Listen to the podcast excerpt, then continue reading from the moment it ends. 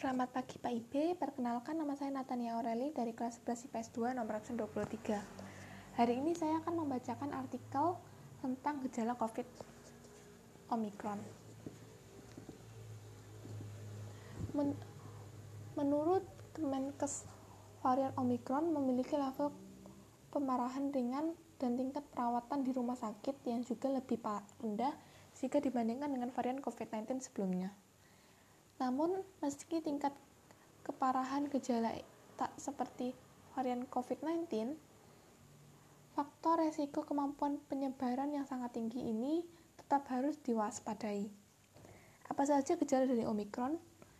Gejala Omicron pada umum, umumnya hampir serupa dengan flu. Ada batuk, hidung berlendir, tenggorokan, sedikit sakit, juga demam. Gejala Omicron ini juga lebih ringan dari gejala varian Delta yang lebih kompleks, seperti kehilangan indera penciuman, indera perasa, demam yang sangat tinggi, dan gangguan pencernaan.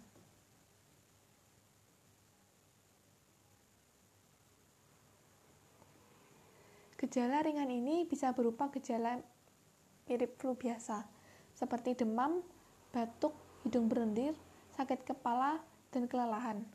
Kebanyakan mengira ini adalah gejala flu biasa.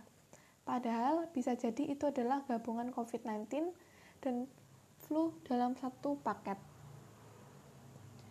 Meski kebanyakan kasus Omicron tak menyebabkan gangguan pencernaan layaknya varian Delta, namun ada beberapa kasus infeksi Omicron yang melibatkan gejala gangguan pencernaan seperti diare. CDC sendiri memasukkan gejala ini ke dalam daftar jangkauan luas gejala Omicron. Rumah sakit House Pikin juga mendeteksi bahwa 20% pasien mereka mengalami gangguan pencernaan karena saat telah terkena infeksi Omicron. Selain itu juga waspada. Juga jika kita mengalami infeksi mata, infeksi pada mata seperti mata merah dan mata gatal juga bisa menjadi gejala Omikron. Meski menurut Amerika,